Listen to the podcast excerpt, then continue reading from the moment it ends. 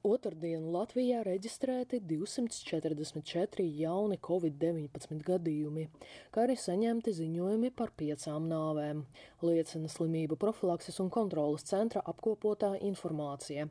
Visi mirušie bija vecāki par 60 gadiem. Kopā diennakts laikā veikti gandrīz 13 tūkstoši testi. Pozitīvo gadījumu īpatsvars 1,9%. Tāpat otrdien ir stacionēti 38 pacienti ar covid-19. Kopā slimnīcās ārstējas vairāk nekā 300 pacienti, no kuriem 61 cilvēks ir smagā stāvoklī. Eiropas parlaments noslēdza darbu pie digitāliem Covid-19 certifikātiem.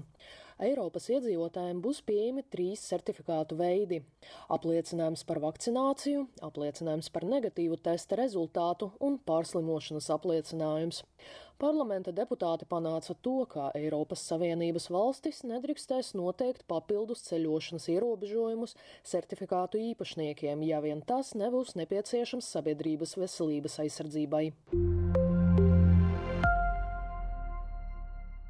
Latvija ir sekmīgi pievienojusies Eiropas digitālajiem certifikātam. Šobrīd datu apmaiņa notiek starp Bulgāriju, Horvātiju, Čehiju, Dāniju, Vāciju, Grieķiju, Lietuvu, Poliju un Spāniju. Visās šajās valstīs jau šodien Latvijas iedzīvotāji var apliecināt savu COVID-19 statusu ar certifikātu. Nacionālais veselības dienests vērš uzmanību, kā pievienošanās sistēmai neatceļ valstu prasības attiecībā uz negatīva COVID-19 testa uzrādīšanu, pašizolāciju nevakcinētām personām un citiem nosacījumiem. Līdz ar to ceļotājiem iesaka pirms ārzemju brauciena noskaidrot, kādos gadījumos galamērķi var izmantot šo certifikātu. Ar